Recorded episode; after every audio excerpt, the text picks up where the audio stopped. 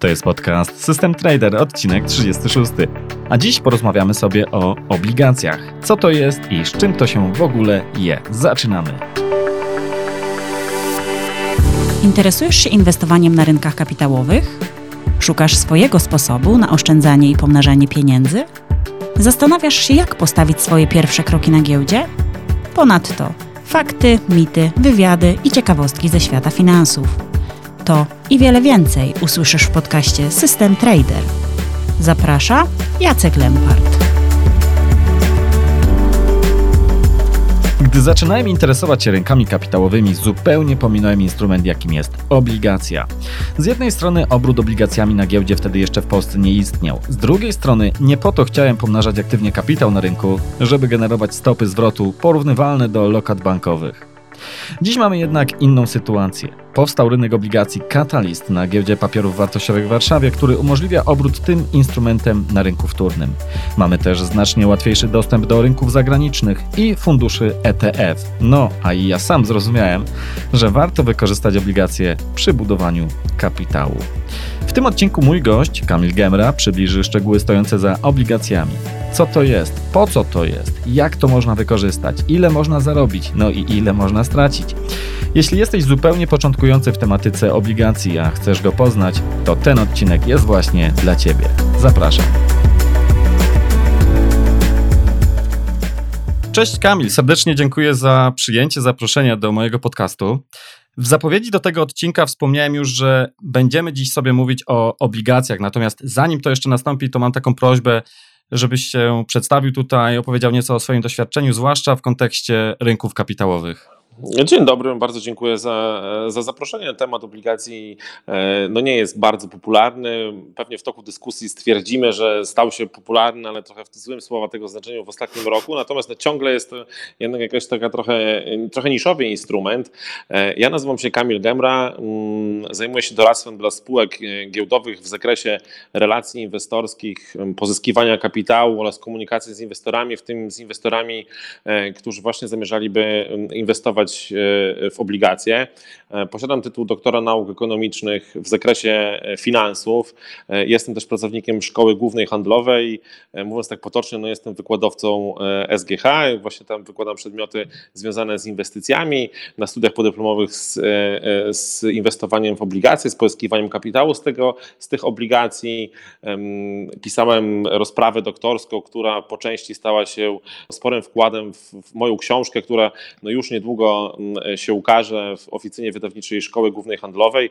Książka będzie nosiła tytuł Obligacje korporacyjne w finansowaniu mm, przedsiębiorstw, no ale też nie jestem w żaden sposób e, jedynie teoretykiem i, i, i osobą, e, która doradza tylko i wyłącznie e, spółkom giełdowym, bo od 2011 roku no też sam próbuję swoich sił na różnych polach inwestycyjnych. No myślę, że tak właśnie wyznaję taką zasadę, że jeżeli mam już o czymś komuś mówić, no to warto to samemu przetestować, no to pewnie inwestowałem we wszystkie wszystkie klasy aktywów, jakie są dostępne dla inwestorów e, indywidualnych.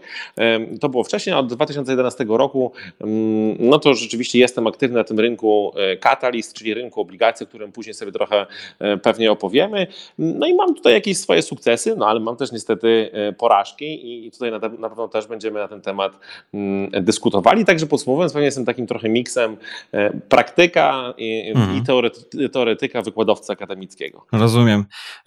Generalnie Generalnie dzisiaj powiemy sobie też nieco o tych ciemnych stronach, że tak powiem, obligacji, ale żeby nie było tak od razu pesymistycznie, y, planuję, żebyśmy sobie podzielili tę dyskusję na dwa takie, powiedzmy, bloki. Pierwszy to będzie taki, powiedzmy, teoretyczny blok dla tych, którzy może kompletnie nie wiedzą, czym jest nawet obligacja, tak żeby oni po prostu mogli e, zrozumieć też e, dalszą e, część wywiadu. A w tej drugiej części to właśnie myślę, że porozmawialibyśmy sobie może nieco bardziej od strony praktycznej, jak w ogóle podejść do tych obligacji, jak w to być może nawet samemu samodzielnie inwestować. No więc pierwsze pytanie, jakie chyba najbardziej podstawowe sobie wyobrażam, to po prostu czym w ogóle jest obligacja? Jakby ktoś nie wiedział, to takimi najprostszymi słowami. No, obligacja, najprostszymi słowami, to jest taki instrument finansowy, w którym e, nabywca tej obligacji pożycza emitentowi tej obligacji pieniądze. Tak? Czyli jest to rodzaj e, no, swego rodzaju pożyczki. Tak? Czyli my jako mm. inwestorzy pożyczamy komuś pieniądze, no i mamy nadzieję, że ten ktoś odda nam pieniądze oraz zapłaci cenę, którą jest, która jest wyrażona w oprocentowaniu. Tak? Pieniądz ma swoją wartość, dlatego musi być to e, oprocentowanie, no i liczymy na to jako inwestorzy, że na tym zarobimy. No i koszt tego pieniądza jest kosztem właśnie dla emitenta.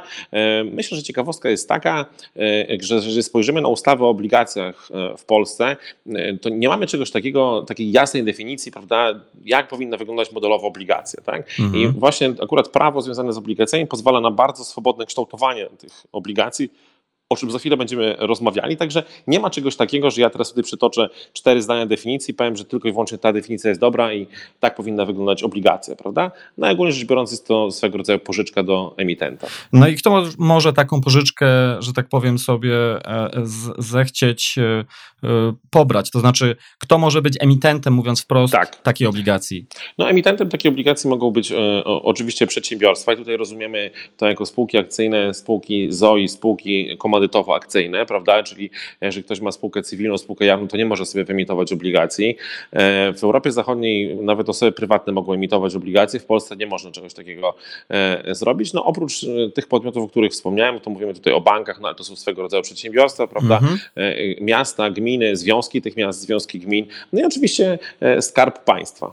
Rozumiem. A jeżeli już mamy tą obligację, to czy dałoby się tutaj jakoś skatalogować pewne parametry, które opisują taką obligację? No bo to jest tak jak trochę z kredytem w banku. No jest tam jakaś wartość e, i generalnie e, emitent emituje ten dług, ale no zwykle to nie jest tylko jeden odbiorca tego długu, tylko jest wiele różnych odbiorców, e, różne osoby, różne podmioty mogą kupować te obligacje, a więc czy na takiej obligacji jest napisane na ile ta obligacja, że tak powiem, mm, opiewa oraz do kiedy ten dług ma być uregulowany, albo też jakie w międzyczasie mają być wypłacane kupony odsetkowe? Jak to wygląda? Jeżeli ktoś w ogóle chciałby się interesować obligacjami i chciałby spróbować e, swoich sił na, e, na tym rynku, no to mhm. powinien sobie zajrzeć na, e, do dokumentu, który każdy emitent musi przedstawić. To jest kilka emisji obligacji.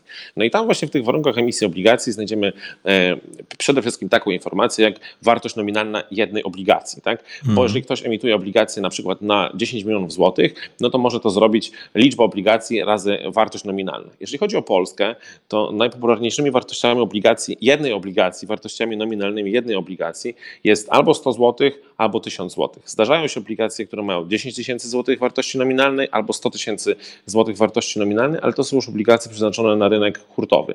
Dla inwestorów indywidualnych, a wszyscy takimi jesteśmy, mówimy tutaj o obligacjach o nominale 100 zł albo 1000 e, zł, prawda? Druga bardzo ważna informacja jest taka, kiedy ten ktoś będzie chciał nam oddać te pieniądze, prawda? Czyli okres e, do, do wykupu. No i tutaj, jeżeli spojrzymy na statystyki, jakie są dostępne w Polsce, no to trzeba e, zauważyć, że w Polsce jest jednak krótki dług, tak mówiąc trochę, mówiąc trochę żargonem, mhm. bo my mamy obligacje, e, najczęściej spotykane w Polsce obligacje korporacyjne, to są dwu, trzyletnie. Mhm. Oczywiście prawo zezwala na obligacje wieczyste, ale na razie są to raczej no, jakieś takie ciekawostki, tak? A co to znaczy obligacja wieczysta? No to jest kilkadziesiąt lat, prawda? I mówi się, że to jest obligacja e, wieczysta, prawda? Na przykład na, e, na finansowanie infrastruktury, prawda? Mhm. w Europie Zachodniej takie papiery są bardzo popularne, w Polsce to wszystko e, raczkuje. Tak podchodząc od praktycznej strony, to mamy dwu, dwu lub trzyletnie obligacje. No zdarzały się oczywiście jakieś tam dwu i półletnie, prawda? Takie trochę, trochę wynalazki. No jeżeli mamy termin do wykupu, no to oczywiście bardzo ważna jest, jest kwestia tego, kiedy ktoś nam będzie oddawał te odsetki, tak? E, co jaki okres będzie nam wypłacał tak zwane kupony, mówiąc tak wprost, no, kiedy będzie nam płacił odsetki. Prawda? No i tutaj mamy do czynienia z kilkoma rozwiązaniami, to też trzeba przeczytać w warunkach emisji, bo ten ktoś może nam wypłacać te odsetki raz na rok, prawda? Mhm. Raz na pół roku, raz na kwartał. W Polsce dominują obligacje wypłacające kupony kwartalnie. E, także należy się spodziewać, że pewnie będzie to w ten sposób, w ten sposób będzie to jakoś e, rozwiązane. No i oczywiście, e, tak jak powiedziałem na samym początku, obligacje obligacje w Polsce no, jest bardzo duża swoboda kształtowania tych obligacji. Tak? E, możemy mieć tam wiele różnych, e, e, różnych jeszcze cech tych obligacji, które będą je wyróżniały. Prawda? E, warto powiedzieć, myślę, że warto byłoby powiedzieć o obligacjach e, zamiennych na akcje. To jest taki bardzo specyficzny instrument, w Polsce mało, słabo popularny, mhm. no ale ogólnie rzecz biorąc chodzi o to, że to jest taka hybryda tak, między długiem a kapitałem własnym, prawda? E, czyli ogólnie rzecz biorąc chodzi o to, że pożyczamy komuś pieniądze, no i ten ktoś w pewnym momencie może zamienić ten, ten dług na akcję, prawda? U nas to nie jest popularne, tak, to jest moja oczywiście opinia z dwóch powodów. Pierwszy powód jest taki, że jeżeli sprzedawalibyśmy takie obligacje zamienne do funduszy inwestycyjnych, to, to, to, wchodzimy do dwóch różnych zarządzających, no bo są zarządzający od długu i są zarządzający od equity, prawda? No tak. A gdy mamy ten miks, no to nie ma takich zarządzających, mhm. prawda, którzy się tym e, zajmują. No i podobnie jest z inwestorami indywidualnymi, bo są całkiem inni inwestorzy. Jeżeli ktoś chciałby spekulować na, e, na akcjach, no to kupuje sobie akcje, prawda, i liczy na wzrost ich wartości, a jeżeli ktoś szuka trochę wyższej stopy zwrotu niż e, na przykład lokaty bankowe, prawda, i szuka tego na obligacje, obligacjach, to jego interesuje oprocentowanie, prawda, a nie możliwość zamiany na akcje i później e, inwestowanie. Także te obligacje zamienne to myślę, że powinniśmy zostawić. Natomiast bardzo ważną informacją jest, e, jest jeszcze to, że trzeba sprawdzić, czy obligacja nie ma jakiejś opcji. No i mamy tutaj, e, mamy tutaj opcję wcześniejszego wykupu mm, i są, te dwie, są tutaj dwie opcje, bo to jest albo opcja po stronie emitenta, albo po stronie inwestora. Mhm. I proszę zauważyć, że w Polsce Myślę, że tak, tak szacuję, że około 80% obligacji korporacyjnych ma opcję wcześniejszego wykupu po stronie emitenta. No chodzi o to, że emitent w pewnym momencie może powiedzieć, że drogi inwestorze, bardzo Ci dziękuję, że ze mną byłeś, no ale ja e, chciałbym wykupić tę obligację, bo na przykład mam tańszy kredyt bankowy, tak? No i w każdej chwili może dojść do wcześniejszego e, wykupu i to zgłasza emitent, prawda? Są też sytuacje e, takie, że możemy mieć to w drugą stronę, czyli inwestorzy mogą, mogą powiedzieć, że ja już nie chcę więcej inwestować, chciałbym odzyskać uzyskać swoje pieniądze. No ale jeżeli ktoś e, tutaj uruchomi swoją wyobraźnię, to wie, że jest to bardzo niekorzystne tak, z perspektywy emitenta, no ponieważ zaburza to cashflow, no bo nie po to ktoś mm. bierze kredyt, żeby za chwilę wszyscy inwestorzy powiedzieli, że już nie chcą mu tego kredytu e, udzielać. No i w praktyce zazwyczaj jest taki miks, czyli chodzi o to, że mamy możliwość wcześniejszego wykupu ze strony e, inwestorów, ale na przykład musi się coś spełnić. Czytaj, na przykład dług netto do EBITDA musi przekroczyć jakąś tam wartość, prawda? Mhm. Zadłużenie kapitałów własnych musi też przekroczyć jakąś wartość, albo na przykład zamiast zysków pojawiły się straty. No to wtedy rzeczywiście ci inwestorzy mają na przykład 30 dni na zgłoszenie się, że chcą odzyskać swoje środki. No podsumowując e, tą część dyskusji, no należy pamiętać e, o tym, żeby sobie sprawdzić, czy takie opcje wcześniejszego wykupu są i po której one są stronie.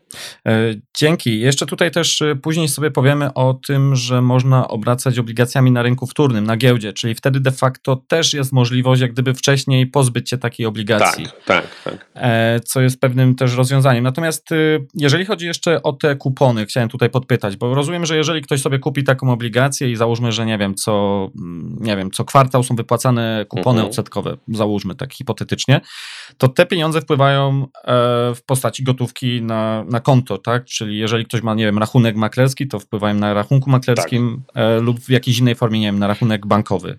Tak, no to dokładnie, bo jeżeli, są jeżeli te obligacje są notowane na e, rynku giełdowym, to będą wpływały na rachunek maklerski, a jeżeli one nie są notowane, bo takie się też mhm. zdarzają e, e, obligacje i myślę, że tam później może sobie coś więcej na ten temat opowiemy, bo nie wszystkie obligacje, które są emitowane są też jednocześnie notowane. Później, dokładnie. Tak? Mhm. No to ktoś podaje numer swojego konta, prawda, rachunku bankowego, no i też mu te, te kupony wpływają.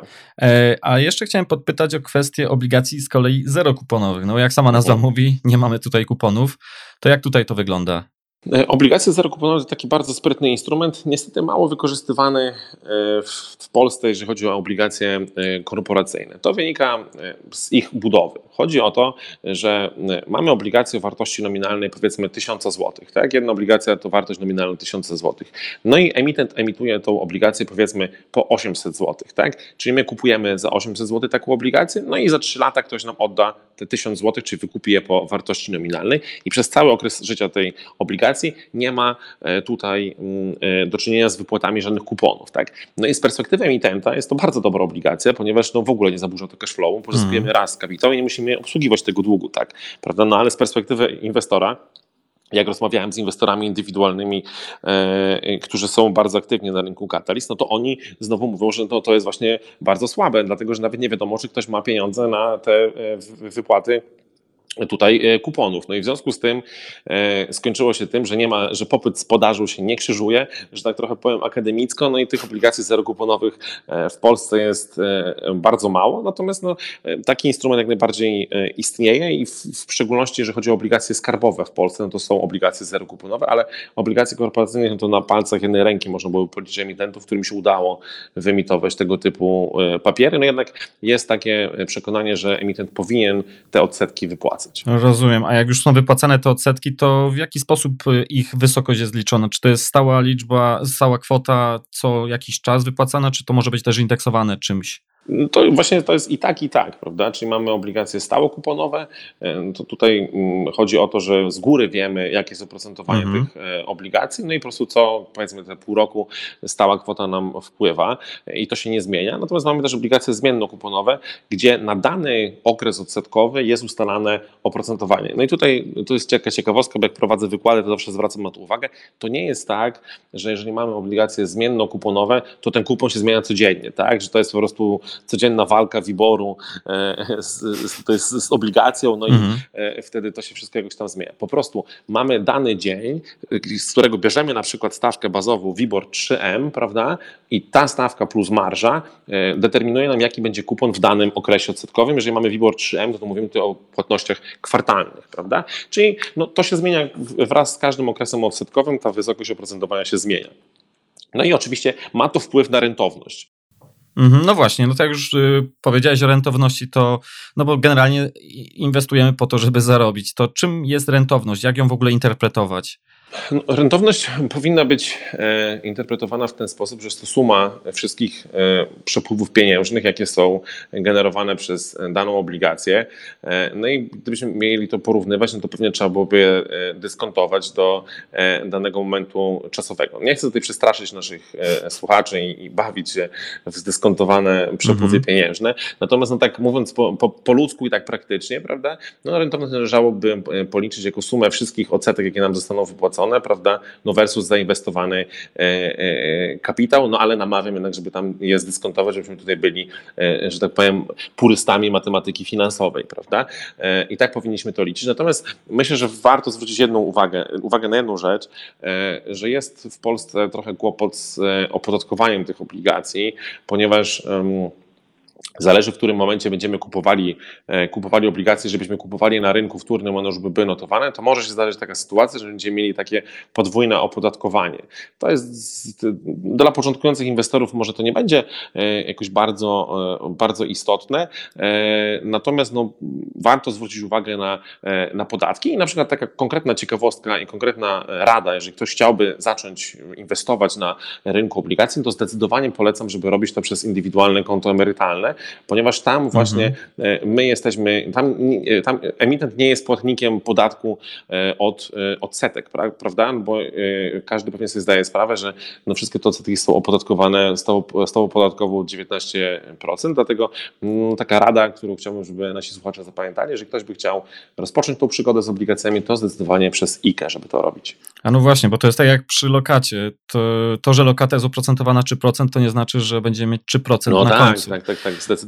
Więc... To jest nawet bardziej skomplikowane niż lokata, ale myślę, że nie będziemy tutaj straszyli tych naszych mm -hmm. słuchaczy. Natomiast no, to mniej więcej jest to, prawda? Jeżeli mamy obligacje oprocentowane na 10% w skali roku e, i to są obligacje dwuletnie, mm, e, no to tutaj trzeba byłoby procentem składanym sobie policzyć, jaka rzeczywiście będzie ta E, ta rentowność. Natomiast e, myślę, że jeżeli ktoś e, chciałby inwestować w obligacje, to warto wejść na stronę giełdy i tam zakładka katalizm, bo tam są kalkulatory rentowności i rentowności netto i tam wszystko jest uwzględnione, prawda? Jeżeli chodzi o, o, o te rentowności, to można sobie śmiało sprawdzić, ile po prostu zarobimy i zachęcam, żeby, żeby sprawdzić ten kalkulator. A czy jeżeli ta rentowność jest podana, powiedzmy jest 5% widzimy, to znaczy, że i powiedzmy, że to jest trzyletnia obligacja, to znaczy, że średnio rocznie będziemy zarabiać zarabiać 5% na tej obligacji? Tak to można interpretować? No to będzie trochę duże nadużycie, no ale mniej więcej tak, prawda? No mniej więcej o to chodzi, prawda? Mhm. No to będzie, jeżeli mamy, prawda, 5%, no to żebyśmy to szybko policzyli, e, no to powiedzmy, że mamy jedną obligację, wartość nominalna to jest 1000 zł, no to my co roku będziemy otrzymywali 50 zł, pomniejszono 19% podatku. Mhm. 19% podatku, to tak szybko licząc e, w zaokrągleniu, to będzie 10 zł od, e, od każdego kuponu, czyli będziemy zarabiali 40 40 zł netto co roku, prawda? No i teraz powinniśmy to zdyskontować te 3 razy 40 zł, że to jest trzyletnia obligacja, byśmy wiedzieli, jaka jest dokładnie rentowność, prawda? Mm -hmm, Bo tu chyba chodzi też o to, że te kupony odsetkowe są jak gdyby reinwestowane, przynajmniej w teorii. No właśnie i teraz, no, no właśnie, bo teraz... Wszedłem teraz, w to jednak. Tak, no, no właśnie, bo to jest w ogóle inna historia, prawda? I tutaj moja druga część akademicka powinna się, powinna się odezwać. Rzeczywiście tak jest, jak mówisz, tak, że jeżeli byśmy liczyli te rentowności, to powinniśmy, za, powinniśmy dokonać takiego założenia, że te środki, które nam spływają, są reinwestowane z taką samą stopą mhm. procentową, co w praktyce jest bardzo trudne do, do, do otrzymania, chociażby przez to, że przez 3 lata jest spora szansa, że stopy procentowe się zmienią, tak? Mhm. Czyli żeby tak uprościć dla słuchaczy, generalnie to, że rentowność jest 5%, to należy oczekiwać, że w praktyce będzie mniej niż te 5%. Tak, średnio no, zdecydowanie. Mhm. Tak, tak. A dlaczego jedne obligacje są bardziej rentowne od drugich? Jakie tu są czynniki, które mają wpływ na rentowność obligacji? No, tutaj jest jeden podstawowy czynnik, y, który ma wpływ na rentowność obligacji korporacyjnych. No, chodzi tutaj y, y, o mm, ocenę ryzyka, można tak mhm. powiedzieć, prawda? Bo oprocentowanie powinno wskazywać jakie jest ryzyko inwestowania w taką obligację, tak? Czyli im większe oprocentowanie, tym większe jest e, e, ryzyko, prawda, Jakie, z jakim mamy tutaj do czynienia. E, natomiast, no powiem tak, ja sporo tych obligacji w Polsce widziałem, no i myślę, że problemem na polskim rynku jest to, że nie do końca rzeczywiście jest odzwierciedlone to ryzyko w tym oprocentowaniu. Czyli, co chcę powiedzieć, nie jest tak, że jeżeli obligacja korporacyjna jest oprocentowana na 5%, to ona jest mniej ryzykowna niż obligacja, która jest oprocentowana na 10%. W teorii tak powinno być. Natomiast w praktyce, no niestety zdarzają się przypadki, że tak nie jest. Mhm. Dlatego, jeżeli ktoś ma strategię inwestycyjną, na przykład boi się tego ryzyka kredytowego, czyli ryzyka tego, że ktoś mu nie odda tych pieniędzy i jego strategia polega na tym, że otwiera sobie arkusz ze wszystkimi obligacjami dostępnymi na rynku Katar i na przykład szuka tylko i wyłącznie tych poniżej 5%, bo uważa, że one są bezpieczne, i chce to robić w ciemno, mhm. to nie jest to moim zdaniem najlepsza strategia. Rozumiem. A czy termin wykupu też ma tutaj coś na rzeczy, jeżeli chodzi o, o rentowność? To znaczy, czy na przykład obligacja na dwa lata versus obligacja na 10 lat, to jakoś inaczej będzie tutaj rentowność wyglądać? Tak, no, no na, na, pewno. Znaczy, pierwsza sprawa jest taka, że obligacji korporacyjnych na 10 lat no to chyba nie ma w ogóle w Polsce. Mm -hmm. a, a, jeżeli są to jest jakieś jednostkowe y, przypadki, no bo ogólnie zasada jest taka, że im dłuższy termin do wykupu, tym obligacja charakteryzuje się większym ryzykiem. Mm -hmm. e, no i z, z, tego, z tego wynika, że w Polsce mamy e, te obligacje dwu- i trzyletnie, prawda? E, także no, chodzi o to, że mm, jeżeli byśmy spojrzeli w ogóle na wiele teorii mówiących o na przykład chociażby o strukturze e, kapitału w przedsiębiorstwie, e, no to z tego właśnie wynika, że wraz ze wzrostem jednostek czasu, no, rośnie w ogóle ryzyko przetrwania takiego przedsiębiorstwa. Mm -hmm. prawda? Czyli jeżeli my dzisiaj inwestujemy, pożyczamy komuś pieniądze i chcemy, żeby on nam za trzy lata oddał te pieniądze, prawda? no to według teoretycznego podejścia i pewnie według też praktycznego, tak? no jest to bardziej ryzykowne niż pożyczenie komuś pieniędzy dzisiaj, żeby oddał za 6 miesięcy. Tak? Mm -hmm. Bo za 6 mm -hmm. miesięcy jesteśmy w stanie lepiej przewidzieć, co się może dziać z tym przedsiębiorstwem, co się może dziać z gospodarką, niż to, co się będzie działo za 3 lata. Prawda? I ogólnie zasada jest taka.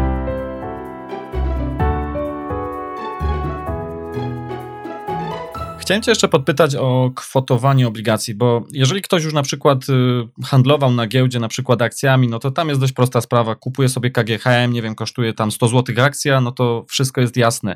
Widzi w arkuszu zleceń, że e, akcje można kupić po 100 zł. Natomiast z obligacjami jest nieco inaczej. Ty powiedziałeś, że te mm, e, wartość jednej obligacji może być różna, może być 100 zł, 1000 zł, 100 tysięcy złotych. Natomiast e, generalnie mm, to, co my zobaczymy, jak jesteśmy na przykład na rachunku maklerskim, to tamte notowania są podawane w nieco innej postaci. Czy mógłbyś tutaj parę zdań na ten temat powiedzieć? No to jest też bardzo ważna informacja z tego całego naszego podcastu, że jeżeli ktoś by chciał kupować sobie obligacje na warszawskiej giełdzie, to musi pamiętać, że kwotowania obligacji są w procentach wartości nominalnej. Czyli jeżeli widzimy 99 kurs obligacji, prawda, mhm. to to nie jest 99 zł, tylko to jest 99% wartości nominalnej. Mhm. Jeżeli wartość nominalna jednej obligacji jest 100 zł, to rzeczywiście będzie to 99 zł, tak? A jeżeli jest 1000 zł, no to będzie to 990 zł. Ale to nie, jeszcze nie koniec, tak? Bo tutaj mamy do czynienia z tak zwaną ceną czystą, czyli ceną samego instrumentu, mhm. nie uwzględniającą odsetek, tak? No żeby móc handlować w ogóle obligacjami, e, e, to wymyślono e, taki mechanizm, no żeby gdzieś te odsetki nie uciekały, prawda? Bo umówiliśmy się z kimś, że ktoś nam da 2,5% po pierwszym kwartale na przykład, prawda? To, to jeżeli w, w środku kwartału chcemy sprzedać te obligacje, no to powinno być tak, że prawda, no, proporcjonalnie te odsetki nam się mhm. naliczą, tak? No i tak rzeczywiście jest. Mamy coś takiego, co się nazywa tabele odsetkowe. To jest taki wielki arkusz e, w Excelu do ściągnięcia na stronach giełdy i tam na każdy dzień danego miesiąca jest napisane, ile przypada e, odsetek na daną jedną obligację. Mhm. No i dopiero wartość tej, ceny, czyli kwotowania raz wartość nominalna plus y, wartość y, odsetek plus oczywiście prowizja maklerska, no to dopiero da nam cenę transakcyjną, tak? A bez tej prowizji maklerskiej jest to tak zwana cena brudna, czyli uwzględniająca, uwzględniająca te odsetki. No tak, ale jeżeli ja sprzedam komuś obligacje powiedzmy w środku, że tak powiem, okresu odsetkowego, to obligacje otrzyma E, ten, kto kupił, pomimo że tak naprawdę trzymał je na przykład przez pół okresu odsetkowego, a otrzyma e, odsetki za cały okres, prawda?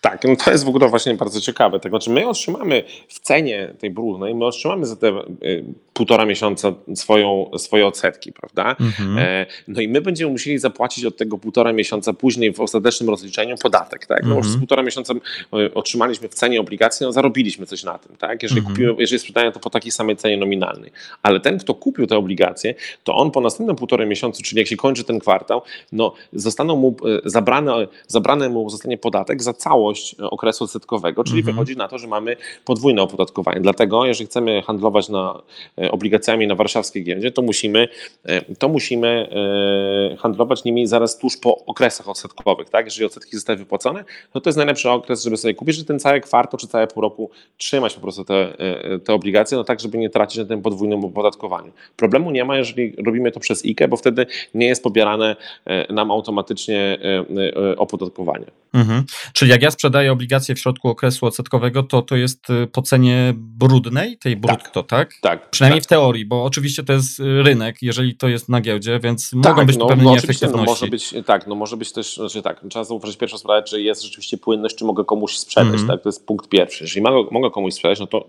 proszę też się z tym liczyć, że może być też taka sytuacja, no, że sprzedamy to taniej niż kupiliśmy, mm -hmm. tak? Mhm. Czyli może być, że my nie wykażemy żadnego zysku, tak? Mm -hmm. e, bo na przykład kupiliśmy po 101% wartości nominalnej, a rynek będzie stał po 98% wartości nominalnej, się okaże, że przez półtora miesiąca no, straciliśmy na tej inwestycji. No, jeżeli ktoś chce inwestować w obligacje, no, musi zdawać sobie sprawę z tego, że można na tym y, stracić, choć z perspektywy inwestorów indywidualnych no nie jest akurat największe ryzyko, że stracimy na różnicach kwotowych, no ale myślę, że o ryzykach będziemy jeszcze rozmawiali. No myślę, że właśnie możemy przejść sobie do tych ryzyk. Ja sobie tu wynotowałem kilka takich ryzyk, między innymi ryzyko zmiany stóp procentowych, ryzyko inflacji, płynności i ryzyko kredytowe. I myślę, że to ostatnie ryzyko sobie zostawimy właśnie na koniec, bo to jest myślę bardzo kluczowe dla po prostu od strony praktycznej dla tych, którzy by są zainteresowani inwestowaniem w obligacje. Natomiast no, ryzyko jest nieodłącznym elementem każdej inwestycji, w tym obligacji, bo tak się mówi, że obligacje są super bezpieczne. Takie jest powszechne mniemanie wśród ludzi, którzy nie, nie robili tego wcześniej. Tak, no i to jest, uważam, że jest bardzo duży problem, tak? Mhm. przez to dochodzi do zjawiska mis-sellingu, tak? Mhm. E, I wydaje mi chodzi o to, że ci, co nie inwestowali, tego nie wiedzą. Gorzej jest z tymi, którzy gdzieś oferują te obligacje, prawda, i sami mają takie przekonanie, ponieważ prawda jest taka, że no, teraz należałoby pewnie zrobić jakieś badania, ale jeszcze z 2-3 lata temu myślę, że w większości społeczeństwa obligacje kojarzyły się z takim no, sympatycznym dziadkiem, wnuczkiem e, z reklamy i z czymś bardzo bezpiecznym. Tak? I to były obligacje e, e, emitowane przez Skarb Państwa i to były obligacje detaliczne Skarbu Państwa. No i ogólnie rzecz biorąc polegało to, no była to trochę, trochę inna lokata, tak? że zamiast składać pieniądze na lokaty, no to mhm. pożyczamy naszemu państwu. Tak? No i wszyscy uważali, że jest to super bezpieczny instrument i wszystkie obligacje są super bezpieczne. Natomiast obligacje detaliczne Skarbu Skarbu Państwa no nijak się mają do obligacji korporacyjnych jest to całkowicie inny instrument e, finansowy. No ja postawię taką dosyć może kontrowersyjną tezę, natomiast biorąc pod uwagę prawo upadłościowe w Polsce, zachowanie sądów i zachowanie tego, co się, co się dzieje z emitentami, którzy rzeczywiście mają jakieś kłopoty z ryzykiem kredytowym, to postawię taką tezę, że w wielu wypadkach obligacje mogą być znacznie bardziej ryzykowne niż akcje, ponieważ jeżeli kupimy sobie akcję za 1000 zł, to będziemy mieli po drodze bardzo dużo możliwości wyjścia z tej inwestycji nawet po 500 zł, nawet po 100 zł, nawet po 15 zł. Tak? Mhm. A jeżeli kupimy sobie obligacje za 1000 zł i te obligacje nie zostaną wykupione na e, na końcu, kiedy mają zostać, zostać wykupione, zejdą z notowań, to my mamy z obligacji za 1000 zł i nie mamy nic, tak? I liczymy na to, że obligacje były zabezpieczone, że pojawi się syndyk, który spienięży zabezpieczenie i ktoś nam odda, e, odda pieniądze. Oczywiście są jednostkowe przypadki, że rzeczywiście udało się oddać te, e, te pieniądze, natomiast jest bardzo wiele przypadków, gdzie rzeczywiście ludzie nie uzyskali e, nic, żadnych, żadnych środków, dlatego myślę, że do obligacji trzeba podchodzić bardzo świadomie. To nie znaczy, że nie należy w ogóle inwestować w obligacje, ponieważ no, ciekawostka jest taka, że rynek obligacyjny jest znacznie większy na świecie niż rynek akcyjny. Tak? Natomiast chodzi o to, żeby sobie zdawać sprawę z tego, co my robimy i czy to na pewno jest instrument, którego my e, potrzebujemy i jaka jest nasza strategia e, związana z tym e, instrumentem, ponieważ strategia polegająca na tym, że na lokacie, przypuśćmy, ktoś nam płaci 2%, a ja sobie kupię w pełni świadomie, prawda, obligacje korporacyjne jakiegoś przedsiębiorstwa, która płaci nam 5% i uważam, że zrobiłem interes życia, no może się okazać, może się to skończyć bardzo boleśnie, ponieważ no można stracić wówczas E, wszystkie swoje zainwestowane e, środki. Natomiast no, oczywiście problemem jest to, że no, nie każdy sobie z, tym zdaje, z tego zdaje sprawę, a do tego jest bardzo dużo nieuczciwych sprzedawców, no, którzy no nie informują, z czym to się, e, z czym to się e, wiąże. Dlatego podsumowując ten mój wywód, e, no najważniejsze ryzyko, jakie występuje w inwestowaniu w obligacje korporacyjne, to jest oczywiście ryzyko kredytowe, czyli ryzyko tego, że ktoś nam nie odda pieniędzy. Oczywiście ryzyko zmiany stóp procentowych, ryzyko związane z inflacją, prawda, no to są ważne ryzyka, które wpływają nam na rentowność tak, całego przedsięwzięcia. No bo jeżeli mamy, jeżeli mamy na przykład obligacje o stałym oprocentowaniu, mhm i na przykład zaczną rosnąć stopy procentowe, prawda, no to my na tym tracimy, tak, ponieważ no mamy, nie wiem, obligacje stają procentowają 5%, a stopy procentowe nam idą w górę, no to nasza obligacja już nie do końca jest taka super, tak. Ale e, Ciekawostka jest taka, i, i tutaj znowu odwołam się do statystyk związanych z polską giełdą, e, że w Polsce dominują obligacje o zmiennym oprocentowaniu, czyli mamy tak zwany naturalny hedging, tak? Czyli my nie jesteśmy narażeni na to ryzyko, ponieważ mamy e, oprocentowanie zmienne, czyli jeżeli będą rosły e, stopy procentowe, no to po prostu my będziemy też na tym, na tym korzystani. Oczywiście działa to też w drugą stronę, bo jeżeli będą spadały, to będziemy tracili, ale tak się akurat składa, że w Polsce w przeciwieństwie na przykład do rynków Europy Zachodniej dominują obligacje o zmiennym oprocentowaniu. E, rozumiem, ale tu jeszcze podpytam, jeżeli chodzi o te kwestie stóp procentowych, bo mm, tak jak powiedziałeś, jeżeli sobie kupimy taką obligację i ona jest tam indeksowana do tych stóp procentowych, jest zmienne to oprocentowanie, no to oczywiście jak oprocentowanie rośnie, kupony też będą e, rosły, ale e, wycena takiej obligacji w międzyczasie będzie wtedy spadać. Tak? Chodzi mi o ten mechanizm, który nie jest taki zawsze oczywisty czy intuicyjny dla ludzi. No tak, znaczy, bo ty teraz mówisz o, e, o wycenie obligacji mhm. skarbowych i e, tak. o tym, co mówi teoria. I rzeczywiście tak jest. Tak? Jeżeli mhm. rosną stopy procentowe, mamy obligacje o, o stałym oprocentowaniu, to my na tym tracimy, bo ta obligacja no, traci swoją atrakcyjność, no i jest spora szansa, że spadnie jej cena. Tak? E, tam się liczy odpowiednie wskaźniki, z tego co pamiętam, zmodyfikowane duration chyba mówi mhm. na, na, temat tego, jak się powinna zmienić ta cena. No, jeżeli chodzi o polski rynek, to pewnie można zauważyć takie tendencje, natomiast no, pamiętajmy, że jest to rynek giełdowy. Tak? No i teraz jest pytanie takie, czy ten rynek jest efektywny i czy rynek rzeczywiście efektywnie reaguje na zmiany stóp procentowych. I tutaj myślę, że na pewno powinniśmy się odwołać do kolejnej, e, kolejnego ważnego ryzyka związanego z, z, polską, z polską giełdą i z rynkiem obligacji, czyli do ryzyka płynności, tak? Bo wszystko fajnie, że mamy rynek giełdowy, natomiast może się okazać, okazać to, że nie będziemy w stanie wyjść z naszej inwestycji, tak? Mhm. E, e, I teoretycznie mamy możliwość prawda, tego sprzedania, tylko że nie ma chętnych, którzy by to kupili, tak?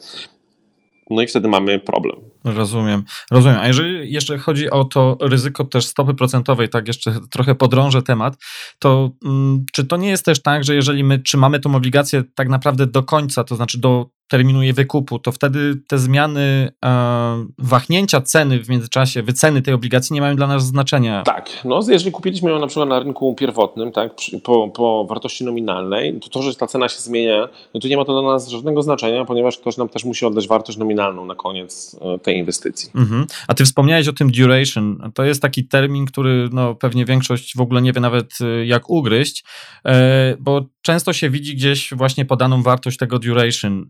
To jeżeli duration, nie wiem, jakiejś obligacji wynosi 4, to czy 3, to co to znaczy? To trzeba porównać z innymi obligacjami. No ogólnie im wyższe duration, tym e, ryzyko. To, to jest jakaś jedna z miar e, ryzyka. No, w, w teorii powinno wskazywać, że e, mamy tu do czynienia z bardziej ryzykowną obligacją. Tutaj duration, na duration ma bardzo duży wpływ e, termin do wykupu tej obligacji. To jest to, o czym my mówiliśmy wcześniej, że mhm. im obligacja ma dłuższy termin do wykupu, tym jest bardziej ryzykowna. Rozumiem. Okej, okay. czyli generalnie jeżeli są może na przykładzie obligacji skarbowych, obligacje, która jest, nie wiem, dziesięcioletnia, no to tam duration będzie, wrażliwość na zmiany stuprocentowy tak. będzie większa będzie niż, no, nie wiem, obligacji dwuletniej na przykład. Tak, mhm, tak. Mhm, rozumiem. Tak. No to o tym ryzyku kredytowym jeszcze bym chciał trochę porozmawiać, bo to jest myślę już trochę padło tutaj kwestii, natomiast y, może od strony takiej już y, statystycznej, czy w ogóle jeżeli mówimy tu o, mówimy tu o obligacjach korporacyjnych, bo powiedzmy, że no jeżeli chodzi o obligacje mm, skarbowe, no pomijam kwestię Grecja i tak dalej, ale ale generalnie e, to są papiery bezpieczne, więc pomówimy sobie o obligacjach y, mm, korporacyjnych. Ile tych obligacji przeciętnie po prostu jest, mówiąc zupełnie wprost, niewykupionych? Nie chciałbym tutaj podawać konkretnych statystyk. Mam nadzieję, że będziemy później rozmawiali, skąd czerpać wiedzę na temat e, w mhm. ogóle obligacji. No i oczywiście tutaj super serwisem jest e, serwis obligacje.pl i z tego co wiem, to oni mają tam taki indeks e, mhm. niewypłacalności. Można sobie śledzić ten, ten indeks. No i tutaj to jest oczywiście magia statystyki, jak zawsze, no bo pytanie jest takie, czy patrzymy na ilość na przykład emitentów, którzy mają ten problem, czy patrzymy na wartość poszczególnych emisji, czy patrzymy na przykład na to, co się zdarzyło w zeszłym roku, no taki getback, tak, no mhm. E, co rozwala wszystkie statystyki, tak, bo nie było takiej, takiej dużej, e, e, dużej upadłości. No. No, jest to ryzyko kredytowe w Polsce, jest problemem, jeżeli chodzi o, o obligacje i trzeba sobie z niego zdawać sprawę, natomiast no, to nie sprawia, że no, nie należy inwestować w obligacje, bo to też nie jest tak, że my mamy jakoś przesadnie wysokie to ryzyko kredytowe w Polsce. Oczywiście no znacznie lepiej sprzedaje się w mediach informacja, że ktoś tych obligacji nie wykupił, niż to, że ktoś 15 raz tam trzecią serię wykupuje, prawda, i robi to od 6 lat, tak, no bo mm, skoro ktoś pożyczy pieniądze, no to normy moralne są takie, że powinien te pieniądze oddać, tak. E, natomiast no na pewno o tych wszystkich niewykupionych obligacjach jest znacznie głośniej. Czasami powstaje takie wrażenie, tak, że cały ten rynek katalist to są jedne wielkie niewykupione obligacje. To nie jest prawda. Mm -hmm. A czy to jest normalną praktyką znaczy to nie powinno wzbudzać żadnych naszych podejrzeń, że po prostu jakaś firma, przedsiębiorstwo E, emituje obligacje po to, żeby spłacić poprzednie e, obligacje? Czy to jest normalna praktyka? Znaczy, powiem tak, no niestety nie ma takiej złotej zasady, że ja teraz powiem dwa zdania i wtedy mhm. na pewno to jest na pewno dobre, a to, albo to jest na pewno złe, mhm. tak? E, bo to zależy wszystko od specyfiki biznesu, tak? No bo to jest takie pytanie, czy bank, czy, czy, czy jest możliwość taka, że w pewnym momencie bank odda wszystkim ludziom pieniądze, które są zgromadzone na lokatach, tak? Mhm. No, jestem w stanie się założyć, że nie ma takiego banku, tak? Bo na tym polega ten biznes, że te pieniądze gdzieś zainwestowane, tak? I jest różnica między pasywami a aktywami, tak? No i teraz jest takie samo pytanie, czy mamy takie przedsiębiorstwo, które na przykład pożycza na kapitał obrotowy, tak?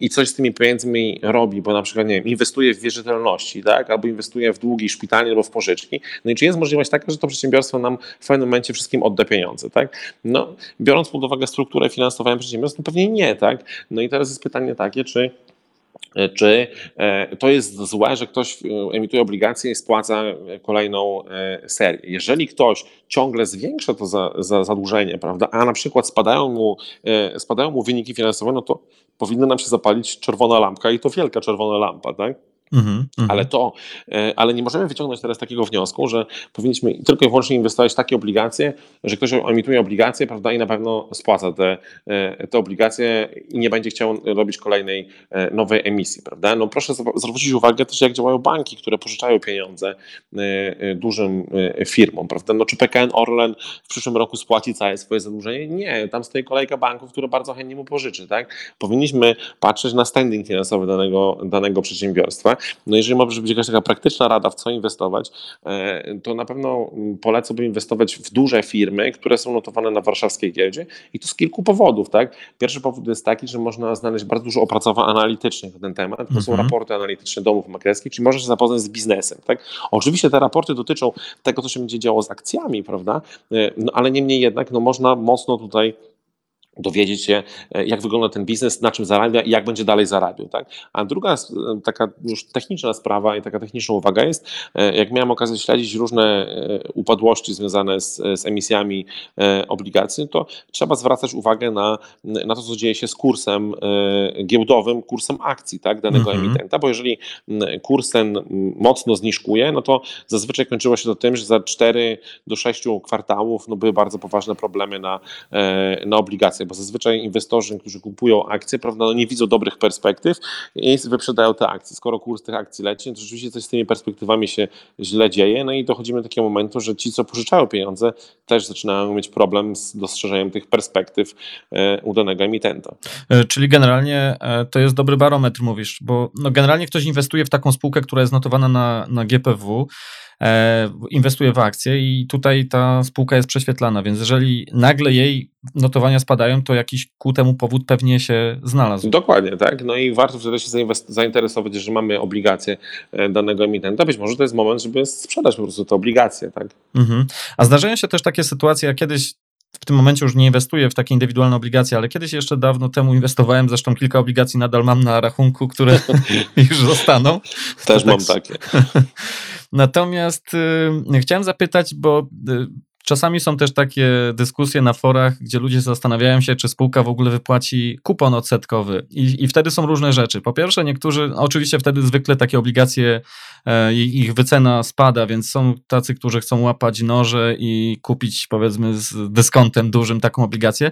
No ale zdarza się, że spółka po prostu nie płaci e, kuponu odsetkowego. I co wtedy można robić? Czy co się powinno robić? Czy można tu jakąś złotą radę w ogóle udzielić? No, to jest bardzo trudna sytuacja. Tak, bo pytanie, czy, znaczy pierwsza sprawa jest taka, czy spółka rzeczywiście jest otwartą przyłbicą tłumaczy, z czego to wynika. Tak? Mhm. I jeżeli to są tłumaczenia takie, że nie wiem, że tam pani Jadzia w księgowości zapomniała przelać pieniądze, słyszałem takie też tłumaczenia kilka lat temu, no to to zaczyna bardzo źle wyglądać, tak? mhm. tak? jeżeli ktoś zapomina. No jeżeli ktoś zapomni i przeleje na drugi dzień, prawda, i opóźnienie jest jednodniowe, no słuchajcie, różne rzeczy się zdarzają w życiu, tak? Natomiast jeżeli ktoś przez tydzień zapomina, to, to już jest bardzo e, negatywna, e, negatywna informacja. Myślę, że właśnie fajnie powiedziałeś to, e, to przed chwilą, że jeżeli inwestujemy w obligacje w Polsce, to myślę, że warto być w jakiejś grupie, czytaj, być aktywnym na forum internetowym. Tak? No i ja kiedyś pracowałem w Stockwatchu, e, współtworzyłem ten serwis i myślę, że tam jest najlepsze forum, e, mhm. jeżeli chodzi o obligacje. Myślę, że warto tam zaglądać i, i być z tymi innymi e, obligatariuszami, bo myślę, że to nam pomoże w pilnowaniu naszej inwestycji, w pilnowaniu tego, co dzieje się e, z naszą inwestycją. I nawet jeżeli będą się działy kiedyś złe rzeczy, no to w jedności siła i z, związanie się z innymi obligatariuszami na pewno powinno nam e, pomóc w, w próbie odzyskania e, później środków, niż no, siedzenie sobie samemu w domu i próbowanie samemu e, no, coś tutaj robić. Także na pewno polecałbym, żeby gdzieś na takim forum być aktywnym. Mnie najbardziej wkurza to, że te obligacje są non-stop widoczne na rachunku. ja już się pogodziłem tak, ze stratą, to, jest... to była niewielka strata w sumie, jeżeli chodzi o kwotę, natomiast no one są non-stop widoczny. To będzie tak no do końca życia? Rada jest taka, że można, można poprosić kolegę e, i można iść do domu maklerskiego i po prostu sprzedać sobie tam za złotówkę, przynajmniej się uda zrealizować, mhm. E, zrealizować e, stratę. Natomiast nie wszystkie domy maklerskie chcą przeprowadzić taką, taką transakcję. No ale to jest właśnie też ten kłopot, tak? Czy na przykład właśnie, jeżeli ktoś nie wykupił tych obligacji, czy z automatu powinno to być zaliczane jako strata podatkowa tak, dla nas. No nie jest tak niestety, tak? Mhm. Jest tak, jak mówisz, ja mam obligację z 2012 roku, mamy dzięki Bogu 2019, tak? I one sobie dalej leżą, tak? E, no i, i, i co tutaj zrobić, prawda? Także no, myślę, że te przepisy właśnie podatkowe głównie no nie są bardzo, są bardzo niekorzystne, jeżeli chodzi o inwestorów e, indywidualnych. No dobrze, a jak już w praktyce ziści się ten najczarniejszy scenariusz i po prostu no wiemy, że wtopiliśmy, e, no i co dalej? Jak to w praktyce wygląda? Myślę, że główna sprawa to jest właśnie znaleźć innych obligatariuszy. Mhm wziąć jakiegoś prawnika, prawda, e, kogoś, kto będzie próbował się e, e, tym zajmować, zgłosić do administratora, do administratora zabezpieczenia, prawda, jeżeli takie zabezpieczenie było, no i próbować, próbować no wspólnie jakoś odzyskiwać te, te środki. Niestety trzeba sobie powiedzieć szczerze, że jest to bardzo trudne w polskich warunkach.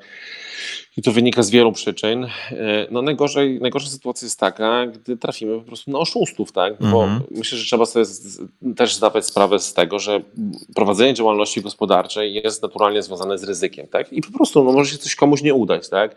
E, ja też obserwuję inwestorów indywidualnych, no, którzy pewnie przez te wszystkie złe rzeczy no, uważają, że każdy jest oszustem i każdy zrobił to specjalnie, tak? Mhm. E, natomiast czasami coś po prostu w biznesie nie wychodzi, tak? Chcieliśmy w coś zainwestować, no i to się po prostu nie udało, tak? No i teraz pytanie jest takie, co z tym majątkiem, czy uda się go jakoś spieniężyć i uda się coś odzyskać, prawda? No to, to, jest, to jest lepsza sytuacja.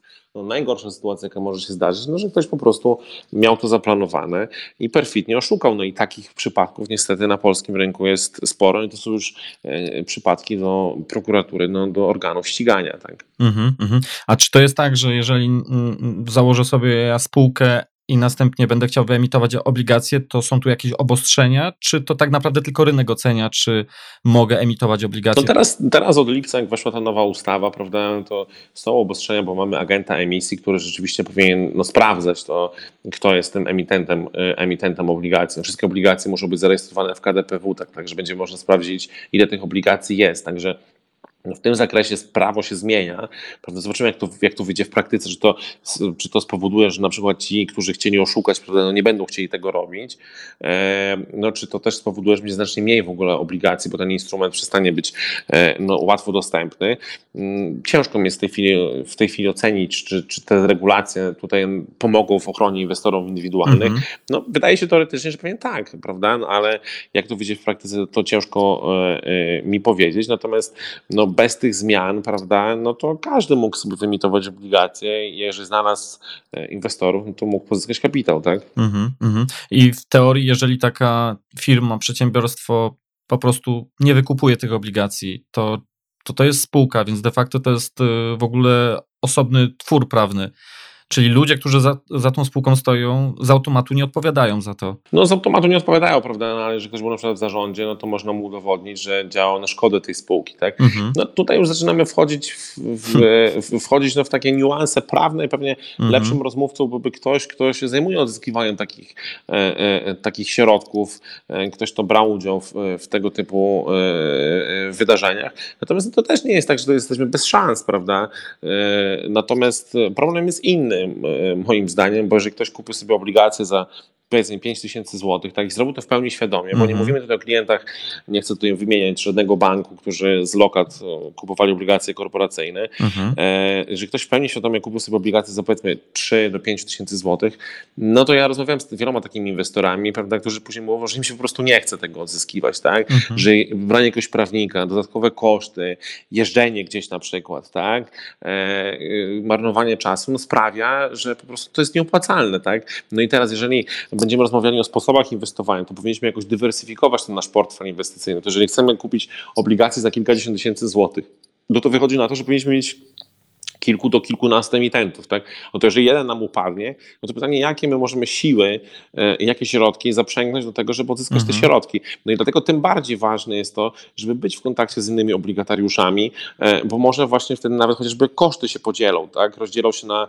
na, na wielu obligatariuszy i wtedy to będzie inaczej wyglądało, no bo jeżeli ktoś ma obligacje za 2000 zł, a prawnik na starcie powie, że chce 1000 zł, no to, to, to nie ma sensu, tak? No mhm. ale jeżeli będzie takich obligatariuszy za milion złotych, prawda, i się okaże, że trzeba dać 20 zł, bo bo tyle przypada na moje obligacje, no to pewnie to warto próbować, tak? Porozmawiajmy trochę o tych praktycznych aspektach y, inwestowania w obligacje. Jak w ogóle ktoś byłby tym zainteresowany, to czy są jakieś minimalne kwoty, od których w ogóle można o tym myśleć? Minimalnych kwot tutaj raczej nie ma, no to jest jedna obligacja. Tak? No pytanie jest, czy to jest rozsądne, że ktoś sobie kupi obligację za 100 zł prawda, i zapłaci 2 zł prowizji i, i na koniec dostanie 6 zł odsetek. Mm -hmm, tak? mm -hmm. no, no, można tak zrobić, tak? no, pytanie to, czy to jest rozsądne. No to każdy powinien sobie sam odpowiedzieć na pytanie, jaki ma portfel inwestycyjny prawda, i czemu mają mu te obligacje służyć. Tak? Bo tutaj pewnie strategii będzie bardzo dużo, tak? bo albo ktoś inwestuje tylko w obligacje i szuka y, wyższej stopy zwrotu, prawda, nie, tak jak mówiłem, niż na bezpiecznych lokatach y, bankowych, albo ktoś inwestuje w akcje, akcje, chce mieć trochę obligacji, ma trochę funduszy i buduje sobie Mhm. jakiś zdywersyfikowany portfel, prawda? No to każdy z nas powinien sobie sam odpowiedzieć, jaką ma sumę całego portfela, prawda? I ile może przeznaczyć na obligacje, a później ile może przeznaczyć na jedną obligację, tak? E, Danego, e, danego emitenta, żeby też tych obliga- te obligacje jakoś tam e, dywersyfikować. No i wtedy nam wyjdzie kwota, od której to ma jakiś tam sens, tak? Ale to jest dla każdego, dla każdej osoby to jest, moje, to jest inna kwota, ale teoretycznie no, można to zrobić od jednej obligacji, tak? Mhm. A gdzie takie obligacje można kupować? Już trochę powiedzieliśmy sobie, że tam są konta e, na przykład maklerskie możliwe, na przykład y, sugerowałeś, że bardzo dobrą opcją jest konto IKE, IGZE, gdzie jesteśmy zwolnieni z tego podatku, Y, ale to nie są jedyne sposoby, żeby móc nabywać, jedyne miejsca. Tak, no myślę, że to, to, gdzie można kupić te obligacje, trzeba podzielić to na dwa, e, Mhm. na dwa sposoby. Tak? No, pierwszy sposób, o którym już trochę mówiliśmy o tych notowaniach, to jest rynek wtórny. Tak? Czyli Mhm. mamy rachunek maklerski, jaki on by nie był, czy to jest IKE, IKE, czy to jest zwykły rachunek maklerski. No i tutaj może też e, ważna uwaga, żeby kupować obligacje, no wystarczy normalny rachunek maklerski, tak? bo jeżeli na przykład chcemy grać na kontraktach terminowych, to musimy mieć dodatkowy Tak. aneks na instrumenty pochodne. Tak. Mhm. A tutaj wystarczy zwykły rachunek maklerski. Tak? Tutaj nie potrzebujemy żadnych jakichś nie wiadomo jakich, e, e, jakich, jakich rzeczy. Tak? To, to jest jedna możliwość na rynku wtórnym, tak? no, ale jest bardzo duży segment rynku pierwotnego, tak? czyli, czyli emitentów, którzy emitują obligacje. Tak? I sobie możemy je tam nabywać.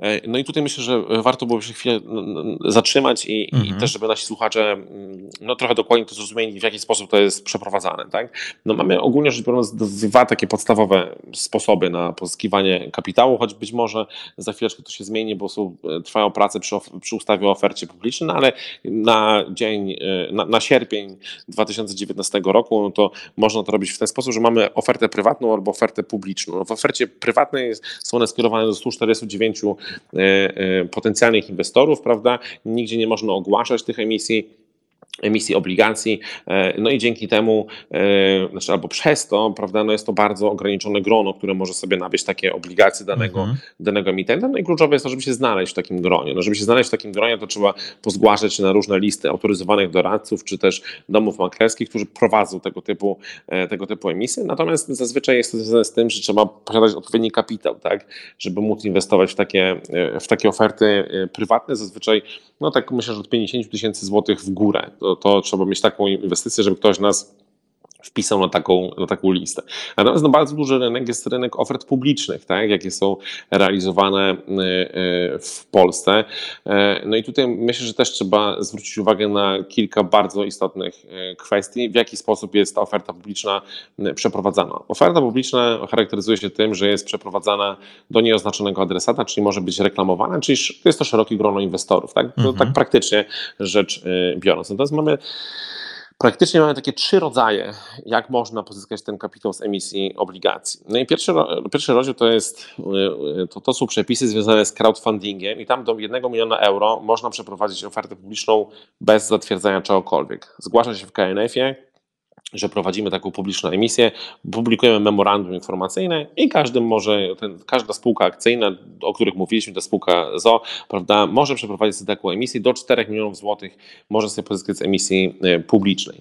E, Podobnie rzecz ma się z emisjami do 2,5 miliona euro. To są e, emisje, gdzie zgłasza się materiały reklamowe do KNF-u i tutaj przez 12 miesięcy w różnych seriach można do 2,5 miliona euro pozyskać kapitału. Też mamy memorandum informacyjne, tutaj mamy już dom maklerski, który musi pośredniczyć w tego typu, e, w tego typu emisji. No i też jest to oferta publiczna. Natomiast z tych dwóch sposobów, no warto, żeby każdy pamiętał, że te sposoby nie dają gwarancji wprowadzenia tych obligacji do obrotu. Czyli może się zakończyć to tym, że wzięliśmy udział w publicznej emisji obligacji, e, no i w warunkach emisji było napisane, że celem emitenta jest wprowadzenie tych obligacji do e, obrotu na rynku giełdowym i na przykład inwestorzy słuchali naszego podcastu, no i później będą próbowali Mhm. sprzedać tą obligację, tak, bo nie chcą 3 lata e, mieć zamrożonych środków. Natomiast no, te dwa sposoby i oferta prywatna nie dają w żaden sposób gwarancji dopuszczenia do, e, do obrotu. Czyli może się to zdarzyć tak, że wzięliśmy udział w publicznej emisji, było memorandum, był dom maklerski, wydawało nam się, że, e, e, że no jest to klasyczna publiczna emisja, o której zaraz powiem. E, No i dlaczego te nasze obligacje nie są dopuszczone? Tak? No i może się zdarzyć, że giełda nie dopuści tych obligacji do notowania. No i mamy wtedy realizuje się to właśnie ryzyko płynności. No i wtedy możemy mieć poważny problem, tak, bo nie jesteśmy w stanie wyjść z tych, z, z, z tych inwestycji. No i ja bym doradzał branie udziału w publicznych emisjach obligacji opartych o prospekt emisyjny zatwierdzany przez Komisję Nadzoru Finansowego, ponieważ a. Mamy tą Komisję Nadzoru Finansowego, b. Są to zazwyczaj duże firmy, emitenci na kilkadziesiąt milionów złotych. No i jeszcze raz odwołam się do różnych teorii związanych z kształtowaniem struktury kapitału. Jedna z tych teorii mówi, że im większa firma, tym ryzyko jest mniejsze. Tak? E, oczywiście to też, nas to też nas nie uchroni przed e, realizacją ryzyka kredytowego, natomiast wydaje mi się, że szansa na realizację ryzyka kredytowego, czyli na upadłość emitenta, no jest znacznie mniejsza w dużych podmiotach niż w małych podmiotach, które e, emitują, emitują obligacje. Także no z tych czterech sposobów można pozyskiwać kapitał, znaczy można pozyskiwać kapitał, ale też można kupować sobie takie obligacje które na rynku pierwotnym, które no, mając nadzieję będą wprowadzone na rynek giełdowy. E, a jeszcze chciałem dopytać, jeżeli jest y, emisja prywatna, to te obligacje mogą również trafić później na giełdę, na rynek wtórny? Tak, tak. Wtedy emitent pisze dokument informacyjny, e, składa taki wniosek na, na giełdę, on jest procedowany przez giełdę i one oczywiście mogą później trafić do obrotu, natomiast no, nie muszą, tak? No, może się giełda nie zgodzić mm -hmm, na -hmm. wprowadzenie takich, takich obligacji. A od czego to w ogóle zależy? zależy, że jedne emisje są prywatne, inne publiczne? To zależy od sposobu, to zależy od, oczywiście od, od finansów, od kosztów takiej emisji, e, ponieważ najłatwiejsza jest emisja prywatna. No teraz -hmm. to się wszystko trochę zmienia przez tego agenta emisji i zobaczymy, jak to będzie ostatecznie wyglądało, e, prawda? Natomiast no, emisję prywatną, e, no kiedyś przed tymi zmianami w lipcu, no to mógł każdy sobie przeprowadzić, tak? Było bardzo mało tutaj wymaganych dokumentów, nic nikt nie zatwierdzał, tak? I mm, no to był najłatwiejszy sposób na pozyskanie, na pozyskanie kapitału. Wraz ze wzrostem skomplikowania, a w szczególności zatwierdzenia prospektu emisyjnego, no te koszty rosną, no i przez to, że rosną te koszty, no to na emisję obligacji z zatwierdzonym prospektem emisyjnym no decydują się tylko największe podmioty, bo to, żeby to się opłacało, to musi być minimum emisji na kilkadziesiąt milionów złotych. A technicznie jak to wygląda? No bo jeżeli jest akcja, znaczy przepraszam, obligacja, którą sobie kupiliśmy na rynku wtórnym, no to widzimy ją u siebie na rachunku, a jeżeli kupujemy obligacje w emisji prywatnej i załóżmy, że te obligacje nie trafiają do obrotu na rynku wtórnym, na giełdzie, to one są e, mimo wszystko zapisane w, w KDPW, no teraz, to, no teraz wszystkie obligacje mają być zdematerializowane. To też ja jeszcze nie brałem udziału w takiej emisji mhm. prywatnej według tych nowych przepisów. To nie wiem, czy coś się z KDPW dostaje. Natomiast e, było coś takiego wcześniej, że był rejestr e, obligacji mhm. prowadzony przez jakiś podmiot, zazwyczaj był to dom maklerski i otrzymywaliśmy potwierdzenie takie pisemne, tak, że mamy takie obligacje. Dawaliśmy numer rachunku bankowego, no i wtedy otrzymywaliśmy e, środki. No a to dom maklerski tak by przechowywał nam w naszym imieniu te obligacje. No z prostego powodu, żeby nie było tak, że wyda nam na przykład te obligacje w formie dokumentu, bo proszę pamiętać, że jeżeli ktoś by na przykład zgubił taki dokument albo by go zniszczył, no to straciłby swoje wszystkie środki. Tak mm -hmm. jest bardzo mhm. ciężko odtworzyć odcinek zbiorowy tak zwany i potwierdzenie tego, że się ma fizycznie akcje czy obligacje, dlatego był rejestr prowadzony takich takich instrumentów finansowych, no i po prostu zajmowały się tym odpowiednie podmioty, ale rzeczywiście tak praktycznie to nie było widać tych obligacji u nas na rachunku maklerskim, dopiero one się pojawiały albo jeden dzień przed, przed e, debiutem na kataliście, albo nawet w samym, tym samym dniu, jak jest debiut na kataliście, dopiero zaczynaliśmy je widzieć na rachunku maklerskim. Rozumiem. A czy to jest tak, że e, jeżeli sobie kupimy taką obligację na rynku e, pierwotnym, to możemy ją też zbyć przed wykupem? Tak, może, nie, no oczywiście możemy ją zbyć przed wykupem, jeżeli ona jest notowana, tak, bo że ona wejdzie na, na giełdę. Jeżeli nie wejdzie, no to jeżeli mhm. znajdziemy fizycznie drugą stronę transakcji mm i pójdziemy do domu maklerskiego, to oczywiście możemy taką okay. obligację zbyć. Natomiast no, to jest już trochę bardziej skomplikowane. Rozumiem, bo jaki tu widzę plus y, kupowania na rynku pierwotnym, to jest to, że nie płacimy, jak rozumiem, prowizji, prawda? Ale to nie zawsze jest tak. Nie? Były niestety takie emisje y, publiczne w oparciu o prospekt emisyjny, że pobierano, pobierano prowizję od zapisu. Także To też nie jest reguła. Czyli nie da się tu w jakiś prosty sposób y, sformułować regułę, że lepiej kupować na rynku wtórnym czy znaczy, pierwotnym? Znaczy, po, powiem tak, no, nie, nie da się tutaj jednoznacznie tego e, powiedzieć. Natomiast jeżeli już kupujemy na rynku pierwotnym, to zdecydowanie polecałbym publiczne emisje z zatwierdzonym prospektem emisyjnym ze względu chociażby na to, o czym wcześniej mówiłem, że są duże podmioty, które w większości są już notowane na innym rynku giełdy, tak? Rozumiem, rozumiem. Okej, okay. E, ale jeżeli ktoś chce inwestować w obligacje, obligacje w ramach na przykład konta emerytalnego IKE lub IGZE, to de facto e, są tutaj opcje jakie? Jedna opcja to jest taka, że na rachunku maklerskim mamy dostęp do tych obligacji, które są dostępne na rynku tym powiedzmy giełdowym lub jakiś produkt. Tak, i czasami jest opcja taka, że można na IKE się zapisać w, e, w publicznej emisji z zatwierdzonym prospektem, że można mm -hmm. też dokonać tego zapisu. Mhm. No i też jest ta możliwość y, IKE, obligacje, coś takiego chyba e, Skarb Państwa. Tak, ale, jakieś... to jest w ogóle, mhm. ale to jest w ogóle inna historia, tak? bo to można inwestować tylko i wyłącznie w obligacje Skarbu Państwa, w te detaliczne, o których mówiłem. To rozumiem. nie ma nic wspólnego z tym, o czym rozmawiamy. Rozumiem, rozumiem. E, jeżeli chodzi jeszcze o rynek y, wtórny, tym razem o GPW, to jest też coś takiego jak kontrakty terminowe na obligacje. No to w ogóle nie ma nic wspólnego z obligacjami korporacyjnymi, tylko chyba skarbowymi, prawda? Tak, to, to jest związane e, z tym instrumentem i myślę, że nie powinniśmy tutaj zaciemniać obrazu, bo już o tych podatkach, które zaczęliśmy, zaczęliśmy opowiadać, prawda? No, e, instrumenty pochodne to są instrumenty, które są oparte o, o, zmianę instrumentu bazowego, no i tym instrumentem bazowym mogą być też obligacje, tak? Mm -hmm. I to jest cała historia, prawda, z tym związana. Rozumiem. Ale poza GPW, poza kupowaniem na rynku pierwotnym, mamy też jeszcze fundusze inwestycyjne. No to jest bardzo ciekawy temat, tak? bo e, jeżeli ktoś nas uważnie słucha i myśli sobie, jak zbudować taki portfel inwestycyjny obligacji, no to pojawia się jedno zasadnicze pytanie. Tak? Czy jest możliwość perspektywy inwestora indywidualnego zdywersyfikować ten portfel, mhm. tak? No bo e, weźmy, e, weźmy taką, taki przykład, tak? Mamy średnią rentowność na tym portfelu powiedzmy 7%, tak? Że zarobimy z tego całego portfelu 7%. Mhm. No i teraz jest pytanie takie, ile powinniśmy mieć tych obligacji, prawda, żeby no, upadek jakiegoś emitenta nas nie bolał, tak? Mhm. to może, żeby się lepiej liczyło, powiedzmy, że mamy to 10% tej e, e, rentowności, no to powinniśmy mieć 10 podmiotów, e, zainwestować 10 podmiotów, jeżeli jeden nam upadnie, to nasza rentowność portfela jest zero, tak? Mhm. No i teraz tak, żeby znaleźć 10 obligacji i je obserwować, to też nie jest takie wcale proste, prawda? Mhm. No i nasuwa się właśnie pytanie, czy w ogóle inwestowanie przez osoby indywidualne bezpośrednio w obligacje, czy w ogóle ma sens, tak? I ja nie powiem, że na pewno nie ma sensu, albo należy to robić zawsze indywidualnie, e, no ale natomiast rozwiązaniem gdzieś po środku, żeby nie brać na siebie za dużego tego ryzyka, no są właśnie fundusze inwestycyjne, tak? Bo tam kupujemy sobie jednostkę uczestnictwa w takim funduszu inwestycyjnym. Jeżeli już to zdecydowanie fundusze inwestycyjne otwarte, tak żeby to były jednostki uczestnictwa i na przykład ich możliwość umarzania była e, nieograniczona, tak? Czyli każdego dnia możemy wyjść sobie z tej inwestycji to zdecydowanie e, w takim kierunku powinniśmy, powinniśmy pójść. Natomiast no tam Mamy ograniczone tak, mamy, e, nie, nie, mamy ekspozycji na ryzyko płynności, także my nie będziemy mogli sprzedać tych obligacji, no bo jednostkę uczestnictwa no, będzie można sprzedać, natomiast oczywiście są zawieszenia funduszy inwestycyjnych. Ale tutaj trochę już mówimy o ekstremalnych sytuacjach, tak? Mhm. A co to e, jest?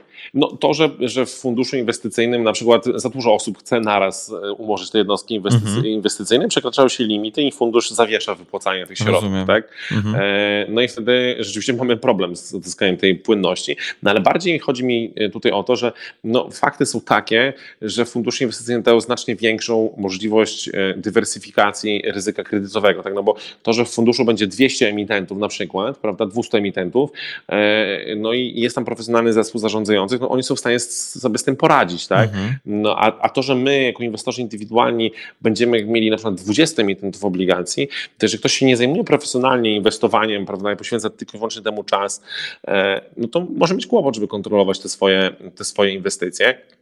Dlatego ja bym na pewno nie odrzucał funduszy inwestycyjnych jako możliwości inwestowania w obligacje. E, no ale też nie byłbym, nie chciałbym teraz, żeby to tak e, na koniec wyszło, że e, mówię, że powinniśmy tylko i wyłącznie fundusze inwestycyjnych, bo problem jest też taki, że na polskim rynku fundusze inwestycyjne też się mylą, tak? I było wiele przypadków funduszy inwestycyjnych, obligacji korporacyjnych, no, które właśnie zawieszały możliwość umorzania jednostek czy certyfikatów inwestycyjnych, no przez to, że też nie zbudowały dobrego tego portfela tych obligacji. A czy takie fundusze głównie inwestują w obligacje kupowane na rynku pierwotnym, czy również też na giełdzie obracają? Na rynku pierwotnym. One, mhm. one inwestują głównie na rynku pierwotnym. Oczywiście są aktywne na rynku e, giełdowym, natomiast no problemem jednak polskiego rynku jest płynność. Mhm. Jeżeli chodzi o fundusze inwestycyjne, no to z ich perspektywy tej płynności nie ma. One bardziej, jeżeli już, no to mogą służyć do wyceny tego portfela, prawda? E, mogą brać notowania z rynku e, katalist, żeby móc wyceniać swoje portfele e, inwestycyjne, natomiast no, realnie no, tej płynności dla funduszy inwestycyjnych nie ma. Czy można by w takim razie tutaj z kolei sformułować taką regułę, że jeżeli ktoś ma no, niewielki kapitał, powiedzmy kilka tysięcy złotych, no to wtedy ciężko jest zbudować samemu zdywersyfikowany portfel i wtedy być może fundusz jest sensowną opcją. Tak, na pewno wtedy fundusz może być sensowną opcją, no albo poszukanie po prostu jednego emitenta, tak? Duży mhm. emitent, publiczna emisja obligacji, e, no i wybranie takiego, takiej możliwości. Spółka notowana na warszawskiej giełdzie, duża, jej kurs zachowuje się stabilnie, to dlaczego nie spróbować wtedy, mm -hmm, tak? Mm -hmm. E, natomiast no, no nie ma mowy o, o dywersyfikacji, tak? Rozumiem. E, no i jeszcze na koniec chciałem podpytać o inny rodzaj funduszy, o ETF-y. Co prawda w polskich realiach, znaczy na GPW, no to właści właściwie w ogóle nie ma takiej możliwości inwestowania w ETF-y, które inwestują właśnie na rynku obligacji, ale w, powiedzmy na świecie, w Stanach Zjednoczonych chociażby jest mnóstwo takich ETF-ów, które są agregatem wielu różnych obligacji, które replikują jakiś indeks. Tak, no to jest bardzo, bardzo ciekawa, ciekawe rozwiązanie, bo tymi ETF-ami można handlować, czyli nie ma tego ryzyka, o którym mówiłem -hmm. wcześniej, że ktoś nam zawiesi, prawda, e, e, e, wypłacalność, no, znaczy możliwość umorzenia chociażby tych jednostek uczestnictwa, tak. No gdyby w Polsce były takie dostępne ETF-y na, na obligacje, no to pewnie byłoby to bardzo ciekawa, bardzo ciekawy instrument. Oczywiście jest bardzo dużo biur maklerskich w Polsce, które dają możliwość inwestowania na rynkach zagranicznych, w tym w ETF-y, prawda, natomiast no, dla takiego podstawowego inwestora no może być to skomplikowane, bo A trzeba wybrać takiego brokera, B trzeba znaleźć ten ETF, a C czasami pojawiają się problemy z rozliczeniami podatkowymi, bo pytanie, jaki to był broker, czy to jest polski broker, czy to jest zagraniczny broker, tak? Czy to się nie okaże na koniec, że my musimy sami sobie liczyć ten podatek, no i wtedy to już jest trochę e, mniej pewnie, e, mniej pewnie, przyjemne, mniej pewnie przyjemne. No, no oczywiście jest kwestia ryzyka walutowego, tak? Mm -hmm. W tym wszystkim, no tego, jaką mamy stawkę w prowizjach, jeżeli chodzi o handel takimi ETF-ami, ale natomiast no rzeczywiście bardzo ciekawe instrumenty. Mhm, rozumiem.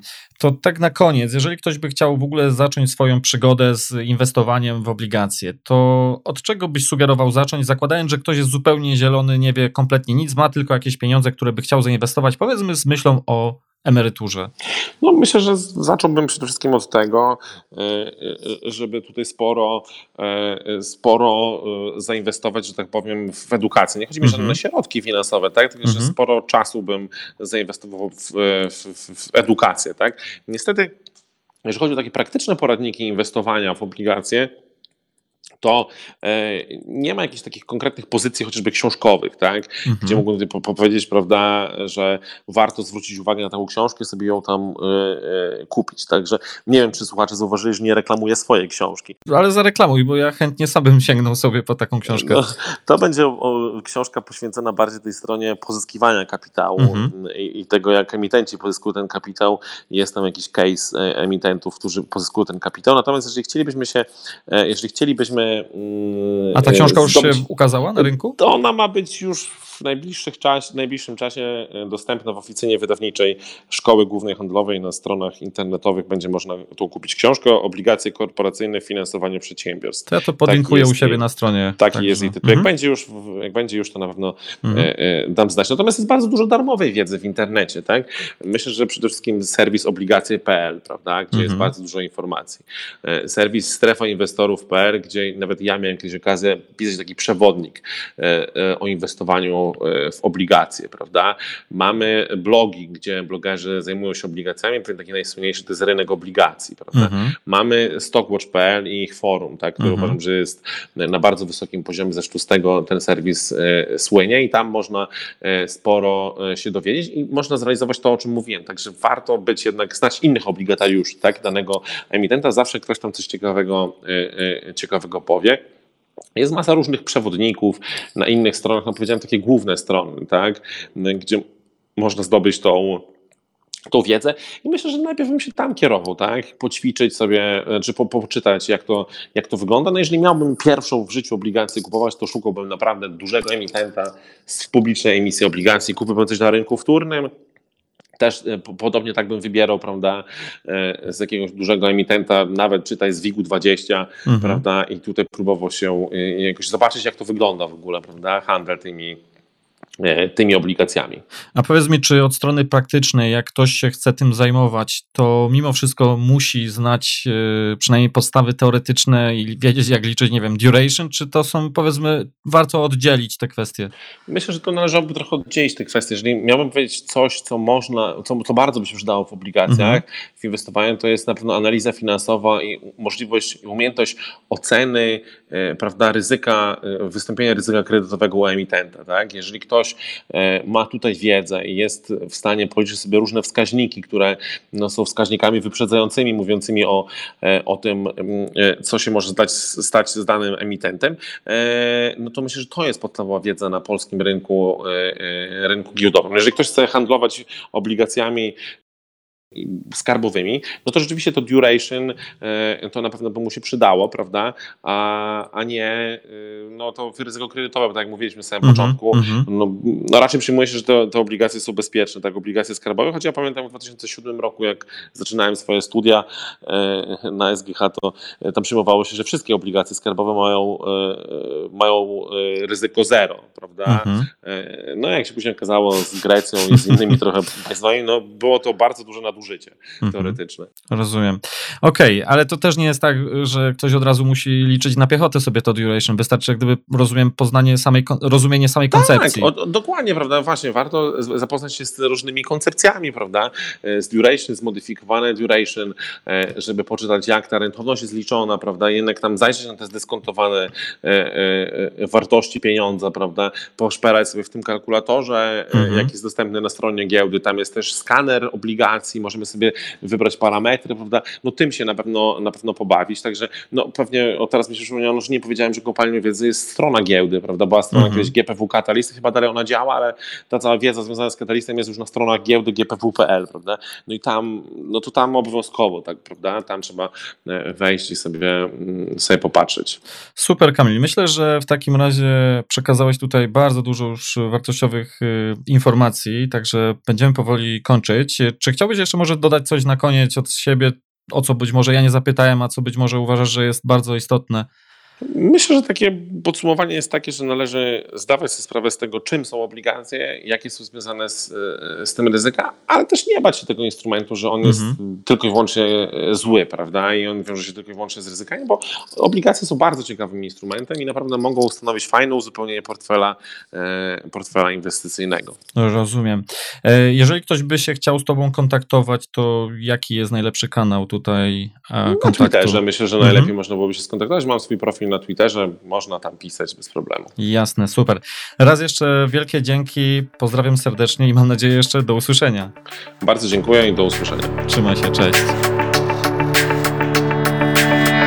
Mam nadzieję, że po wysłuchaniu tego odcinka, nawet jeśli wcześniej nic nie wiedziałeś o obligacjach, to teraz już wiesz, o co w tym chodzi. Zależało mi, aby ten odcinek był takim wprowadzeniem w świat obligacji, ponieważ planuję rozwinąć ten temat w przyszłości, ale w bardziej takim wymiarze praktycznym. I nie chodzi mi o kupowanie indywidualnych obligacji, o tym, o czym rozmawiałem m.in. z Kamilem w tym wywiadzie, bo ten temat również tu i ówdzie się już od jakiegoś czasu w polskiej przestrzeni internetowej powiedzmy przewija. Natomiast będę chciał pokazać, jak można inwestować w obligacje przy wykorzystaniu funduszy ETF. Zaprezentuję też kompletną strategię, jak można inwestować w obligacje z głową. Czegoś takiego nie widziałem jeszcze w Polsce, więc już teraz serdecznie zapraszam. Myślę, że jesienią tego roku taki materiał pojawi się u mnie na stronie. A na koniec zapraszam właśnie na stronę systemtrader.pl ukośnik 036, tak jak numer tego odcinka, gdzie znajduje się ten odcinek podcastu również w formie tekstowej. Znajdziesz tam również dodatkowe materiały uzupełniające. No i jak zwykle będę bardzo, bardzo wdzięczny za pozytywne oceny i komentarze w iTunes, bo dzięki temu będę po prostu widział większy sens rozwijania tego podcastu i tego w ogóle projektu dla Was. Także bardzo, bardzo z góry dziękuję. Ode mnie to już wszystko na dziś. Serdecznie pozdrawiam i do usłyszenia niebawem. Bye bye.